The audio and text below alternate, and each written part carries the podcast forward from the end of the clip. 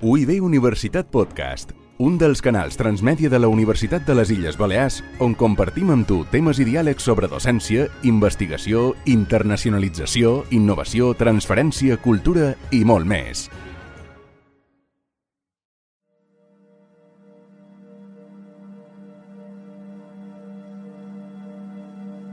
Benvinguts a Quin món vivim, reflexions sobre el nou ordre mundial, un podcast de l'Oficina de Cooperació de la Universitat de les Illes Balears per enfocar el que sembla més que una era de canvis, un canvi d'era. Som aquí, per això sentiu renou de fons, en escol de l'edifici Melchor Gaspar de Jovellanos de, de la UIP i en Xema González a la part tècnica i en David Oliver vos parlen ganes d'escoltar i de fer preguntes a persones com ens ajudaran a entendre millor qüestions, fets que tenen a veure amb el tema central d'aquesta sèrie, que són els drets humans. Uh, en aquest tercer capítol, les persones que ens acompanyen són, per una banda, Oriol Lafau, ell és el coordinador de salut mental del govern de les Illes Balears. Oriol, com estàs? Molt bé, David, moltes gràcies per convidar-me. Oriol, un home com tu ja situat on, on t'hem situat professionalment, com se sent quan arriba a una universitat, a un camp? Doncs ho estava pensant ara quan estava venint per aquí, no? amb tanta gent jove i en tant de moviment, eh, em, em, em recorda moltes coses, no? Sí, eh? I venia pensant tota l'estona quan jo estudiava, quan jo estava a la universitat, i ha sigut un record, la veritat és que molt grat. Sí, hi ha molt de renou de cafeteria per aquí baix, eh? I també ens acompanya Nanila Oliver, activista d'Obertament Balears. Com estàs, Nila? Què tal? Hola, moltes gràcies per ser convidada. És un plaer poder posar veu eh, alçar i donar la cara per la salut mental. Uh -huh. A part d'això, eh, també ets dona de teatre, Faig de tot, som multiapassionada. Multiapassionada, quasi res. Molt bé. I doncs anem a fer una cosa. Avui volem parlar de salut mental. Eh, Nila, per començar, eh, com m'explicaries el que és un activista d'Obertament Balears? Un activista és aquella persona que decideix donar la cara, com he dit, és aquella persona que eh, decideix fer de la seva història veu per contar pues, aquests drets que se li han estat vulnerats, eh, per contar també eh, aquelles necessitats per fer que la gent demani ajuda, ja no només en, en casos greus com va poder ser el meu en aquell moment, sinó en les petites coses quotidianes, com veiem amb l'autoestima baixa, amb crisis d'autoexigència, amb ansietat, com poden tenir ara aquests, eh, aquest públic que tenim aquí d'universitat, que jo vaig arribar, per exemple, a selectivitat vomitant per poder treure uh, sí. un excel·lent, no? Sí. El vaig treure, però no val la pena. No val la pena. Um, a partir d'aquí, un activista és aquell que uh, se forma per poder comunicar bé, és aquell que se forma i que ve acompanyat d'un equip uh, com és, és d'obertament, uh, afiliat a Tret Salut Mental, i és aquell que decideix donar una passa més, perquè pots estar a dins l'associació de Tret Salut Mental, però no tenir ganes ni, ni, ni tenir aquella força com per poder posar eh, veu a tota aquesta lluita, per tant totes les postures són vàlides perquè, per exemple, jo vull ben cafè de portaveu de totes aquelles veus que avui no poden ser aquí. Sí. És a dir, jo no venc a parlar de jo, eh, jo som part de, de, dels meus companys, part de... D'acord. I estigma és un tema central, és, és la manera com s'assenyala, com s'estigmatitza la persona que té diagnòstic de salut mental. Tal qual. Podem posar un exemple. Hola, sóc Nanila Oliver, eh, tenc un coeficient intel·lectual molt alt, eh, unes notes que no varen baixar de nou, eh, tenc carreres, tenc màsters, tenc no sé quantos, uah, tal. Tenc trastorn bipolar. I automàticament... Pam! Sí. Pam! Ja està, ja està. Prejudicis, tal, eh, està loca, eh, mil coses que venen en el cap. Ei, ei, ja, és que és com a, ja no importa res. Ja no importa res de qui som jo, de què he fet en aquesta vida, de què tal. He tingut un moment que les meves emocions s'han desequilibrat, he tingut un moment on eh, ses motius, fins i tot que m'han duit en aquest desequilibri, no ha estat una cosa, no?, per l'amor de l'aire que t'aixeques i, i, i te trobes malalt. I, i a partir d'això he d'estar jutjada.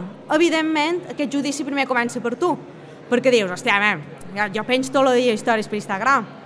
Imagina't la eh, cara que va ser per jo, després d'un ingrés de 42 dies, haver de sortir, demanar, demanar disculpes, si qualcú eh, li ha dit coses molt fortes, jo vaig escriure famosos, vaig escriure a gent i tal, vaig haver de sortir, donar la cara i dir, deman disculpes, no estava bé, se me'n vaig, vaig tenir un excés de, de dopamina, de tal, tot això sense drogues, per això va costar molt trobar el meu cas perquè jo de per si d'un estat basal, que diuen estat natural, sóc hiperactiva, soc, soc, he estat així, vaig néixer xerrant, vaig néixer, vaig néixer sense delegada de classe, no? estic per tots els saraos, som actriu, llavors és com una energia aquesta entusiasta, no? si heu vist Inside Out, som és típica imatge de, de alegria, ja saltant, no? A mi no falta ser purpurina a vegades.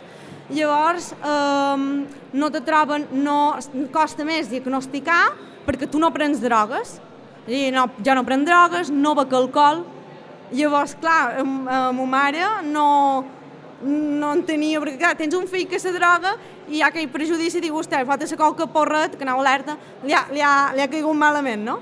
I, bueno, i aquí vaig, a, vaig, vaig arribar i després va venir aquesta part, per resumir, de l'autoestima meu, no? de, de recompondre que gràcies a la salut mental i, i després de l'equip d'hospital de dia eh, vaig poder fer un poquet de peces del meu cor romput. Sí, i de, primer de tot agrair-te la sinceritat, tot el que ens has contat, i a partir d'aquí, precisament, eh, podem anar fent un recorregut per diferents qüestions que ens has explicat, aquest ingrés tan llarg, per exemple, situacions que pots haver viscut allà, aquesta mirada social, i Oriol, eh, situats aquí, en aquest cas particular, però enfocant-lo cap a la globalitat.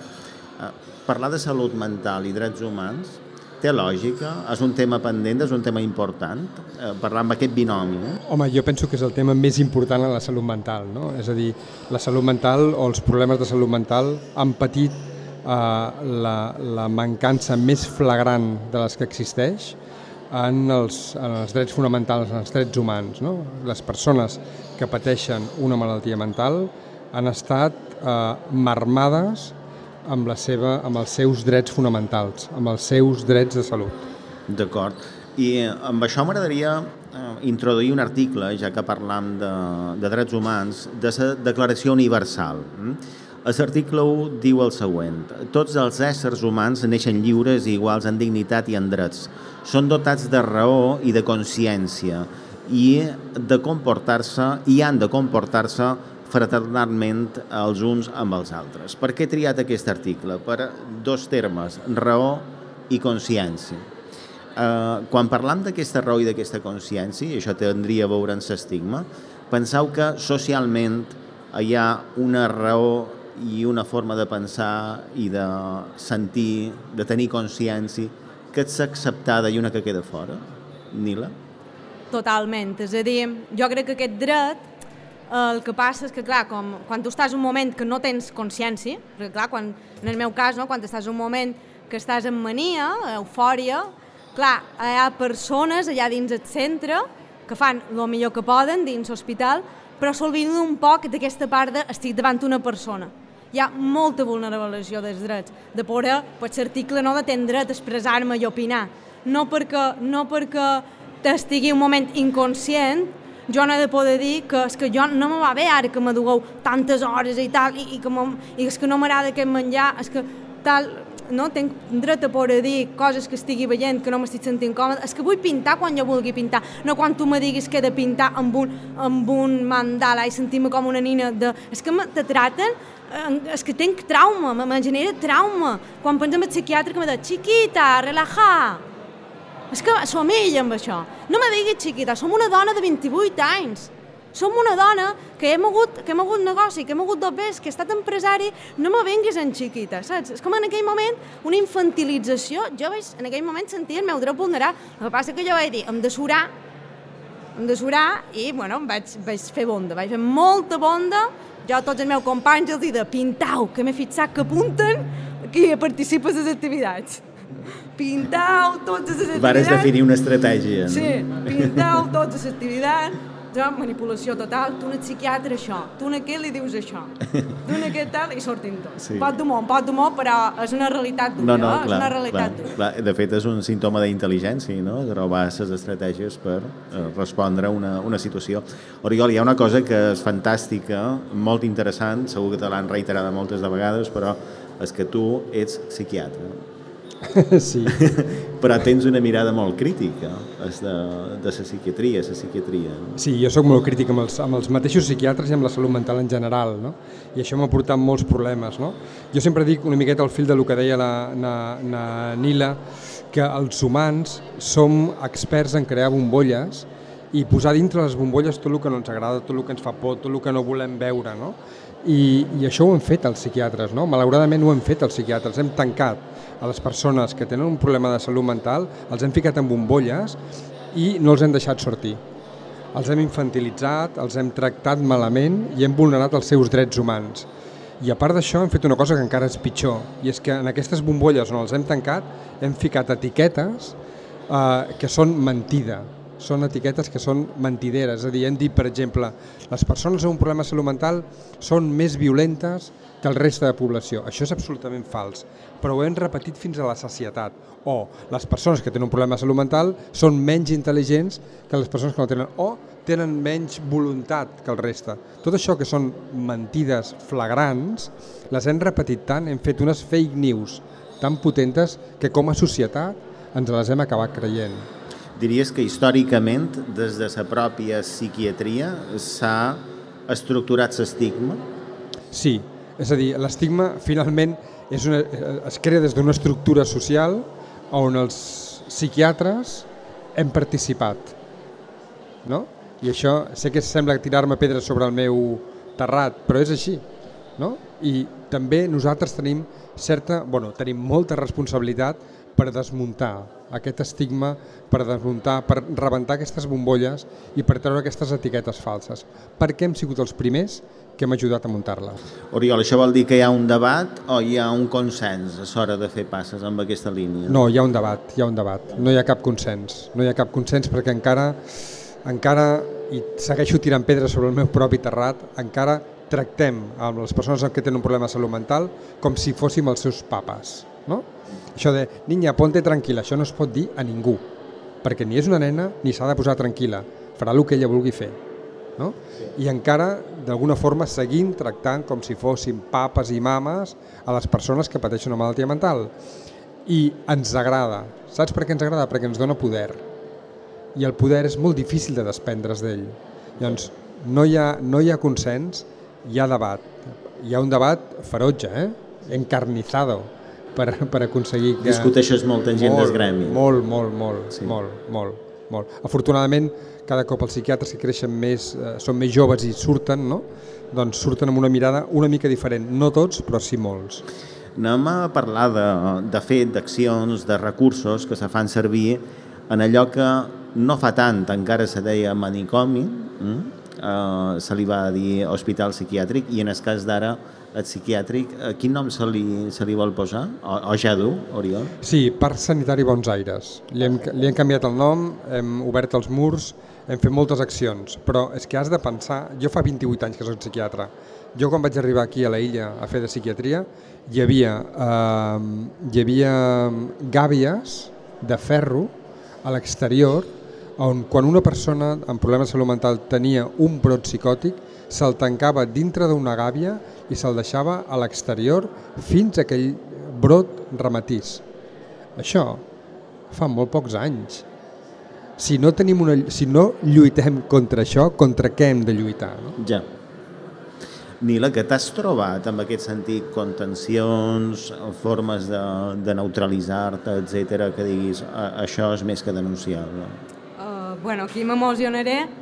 Uh, parlaré per part dels meus companys. Uh, vull que imagineu uh, tenir 24 anys, ser programador web, uh, tenir una crisi maníaca i tenir Covid i no haver recursos, i llavors t'han de passar planta de Covid, però tu ets un loco, perquè consideren que ets un loco i te tanquen, te formen de peus i mans durant 5 dies.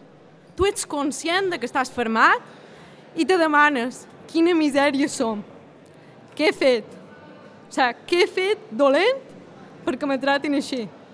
Només me deixen um, aixecar-me per anar al bany i me deixen sortir i m'acompanya un guàrdia de seguretat. O sigui, quin, quin perill som jo per la humanitat. per aquest prejudici de, de que som violent. No era violent, o sigui, no estava mostrant, estava hiperactiu, hiperexcitat, tot, tot el que se li vulgui dir, no? Però no, no era necessari. Llavors, jo he estat allà amb els 42 dies sentint gent cridar. Ara mateix, nosaltres som aquí, però a l'Hospital de Son Espases hi haurà qualcú format.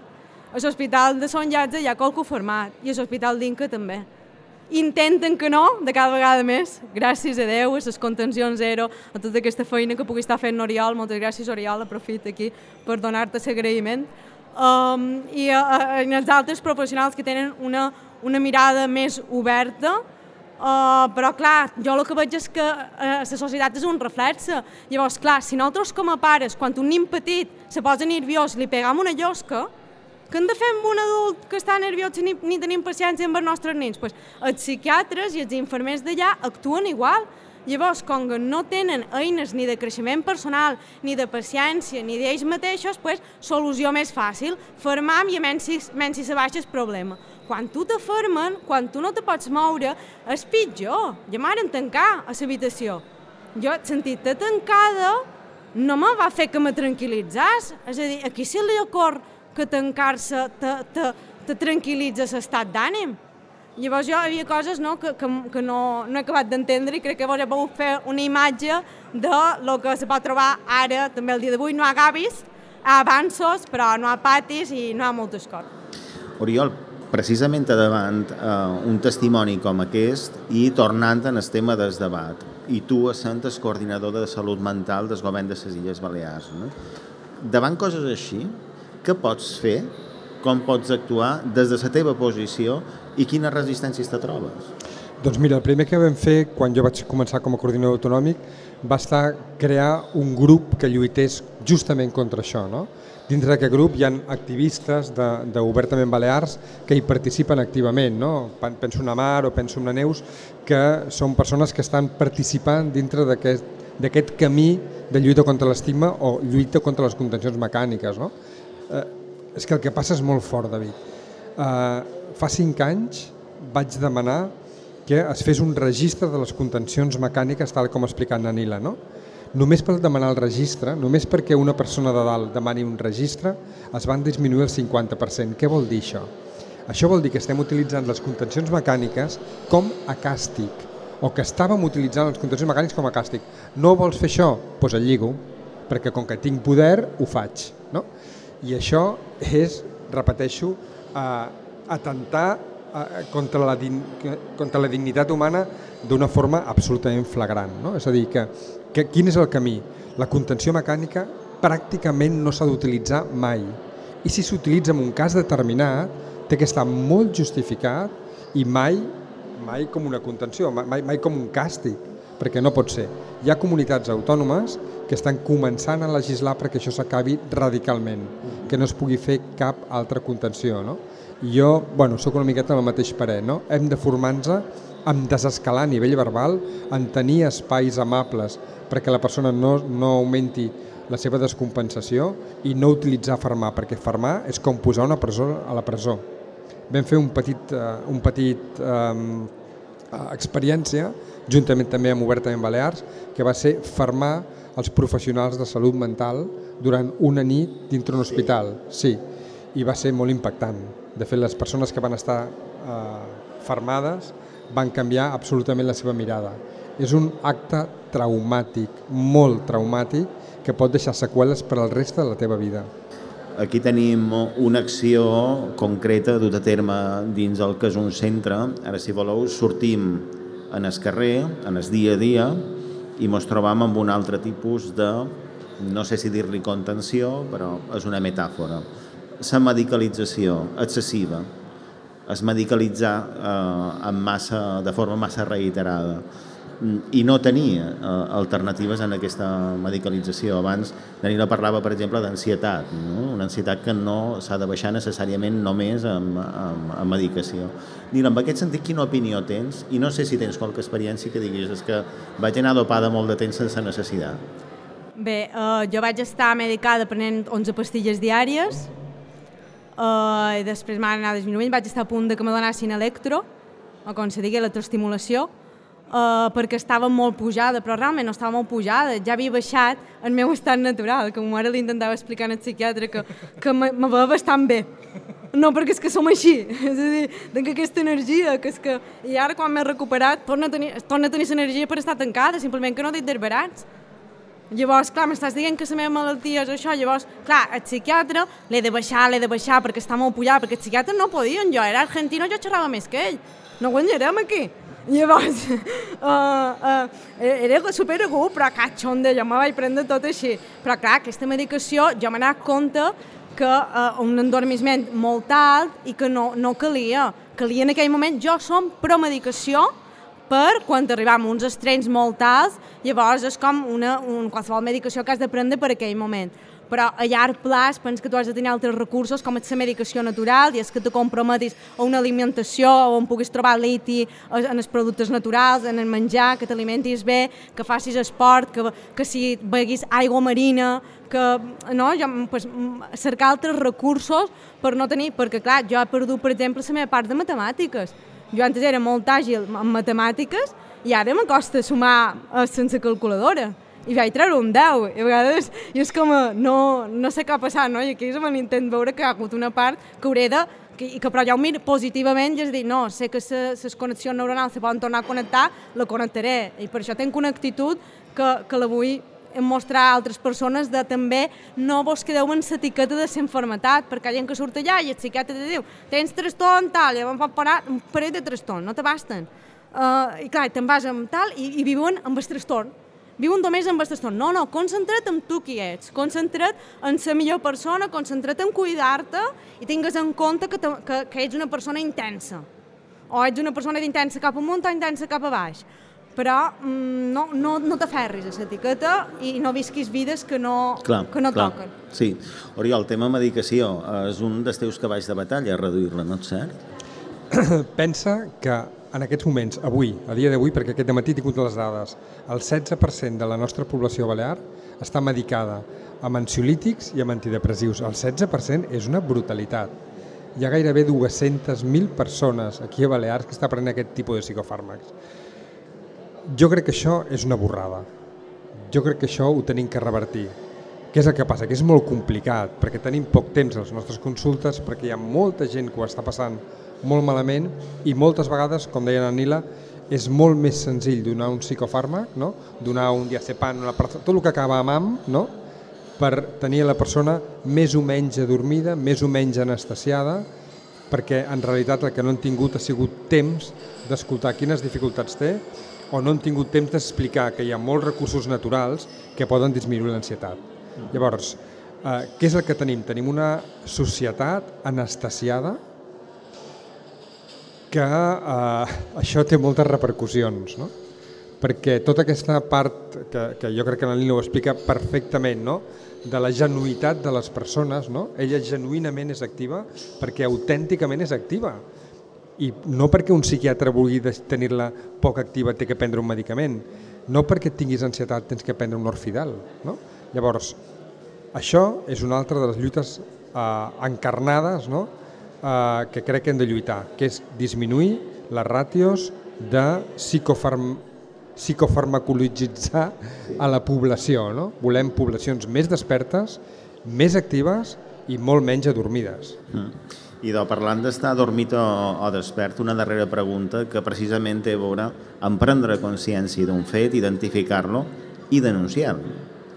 Uh, Nila, quines possibilitats, no sé si tu t'has plantejat mai, um, tens en el teu abast de denunciar fets com els que has explicat? I no sé si obertament, per exemple, en aquest cas és un... En aquest cas sí, és a dir, jo no m'hi he plantejat mai. Això és el, quan t'hi trobes, perquè tu te trobes allà i clar, hi veus coses eh, que no t'apareixen bé i jo me'n vaig anar a la coordinadora, però clar, jo no tenc raó, article número 1. No té massa raó, zero llibertat d'expressió, eh? aquesta nina no està bé. Llavors, jo, ja des d'aquell moment, jo com que estic en una crisi maníaca, eh, la meva opinió eh, no, no importa, la meva veu, no tinc veu pròpia. Som una trastornada. Llavors, clar, no, jo no sabia ni de drets ni de no drets. Jo el que, lo que després ara ho he vist i, espe, i, i, no, i no hi estic ficada perquè no ha estat la meva lluita, jo me sé molt en la meva lluita de quina és la meva responsabilitat i anem també a dir-ho, de anem un drets però quina és la meva responsabilitat. Què faré jo responsablement per apropar-me a altres psiquiatres, jo xerro psiquiatres per Instagram, per contar-los la meva història, què puc fer perquè, perquè ho sàpiguen, què puc fer per tal, què puc fer per... I me sento amb aquesta responsabilitat per no venir d'arribar a demanar un dret, uh -huh. en aquest cas. Sí. Oriol? Sí, la, la, la veu de les persones que tenen un problema de salut mental, com parla la Nila, és una veu silenciada. És una veu que l'hem callat com a societat i que no l'estem escoltant. Per tant, la denúncia és molt complicada, és molt complexa per ells perquè no les escoltem com les hauríem d'escoltar, uh -huh. que és amb les orelles ben obertes. L'oficina uh, de salut mental del govern és una via? Sí, és una via. Uh, nosaltres rebem moltes vegades uh, situacions... Bueno, hi ha una, una oficina d'atenció a l'usuari dintre del servei de salut on arriben moltes d'aquestes queixes i nosaltres som una segona via on ens arriba d'aquesta oficina d'atenció a l'usuari. Nosaltres atenem a moltes, moltes d'aquestes queixes. El que passa que, repeteixo, eh, són veus molt silenciades. Nosaltres podem fer, podem intervenir, però quan jo puc parlar amb un responsable de salut mental, el primer que et diu és bueno, és que no estava bé en aquell moment i amb la qual també ens trobem moltes vegades amb un cul de sac no? on no sabem molt bé cap... Ja. I d'una realitat per visibilitzar, per explicar, nosaltres som aquí precisament Nila perquè aquests micròfons eh, siguin per vosaltres, totes les persones eh, en general que vulguin parlar d'aquestes qüestions, molt en particular el col·lectiu d'Obertament, en aquest cas Obertament Balears, gràcies per ser-hi i som aquí per lo que vulgueu, ja ho sabeu. Ori I Oriol, moltes gràcies a, a tu també per ser-hi. Jo només volia dir una petita cosa molt ràpida i és que lo revolucionari no és el que jo pugui dir, és el que pot dir Nanila, és a dir, aquí qui porta la revolució són les persones que han patit una malaltia mental, perquè els professionals no ho hem sabut fer bé i nosaltres només tenim l'obligació de ficar-nos al seu rebufo i anar darrere d'ells. Uh -huh.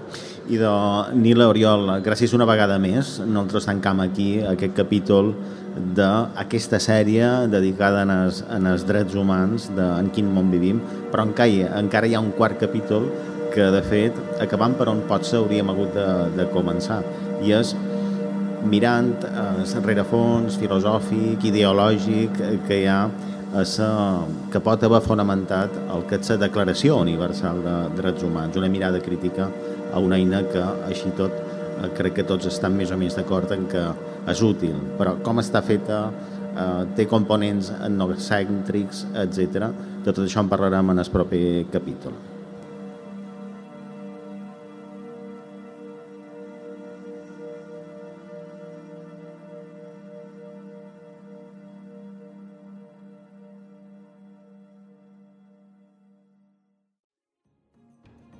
UIB Universitat Podcast, un dels canals transmèdia de la Universitat de les Illes Balears on compartim amb tu temes i diàlegs sobre docència, investigació, internacionalització, innovació, transferència, cultura i molt més.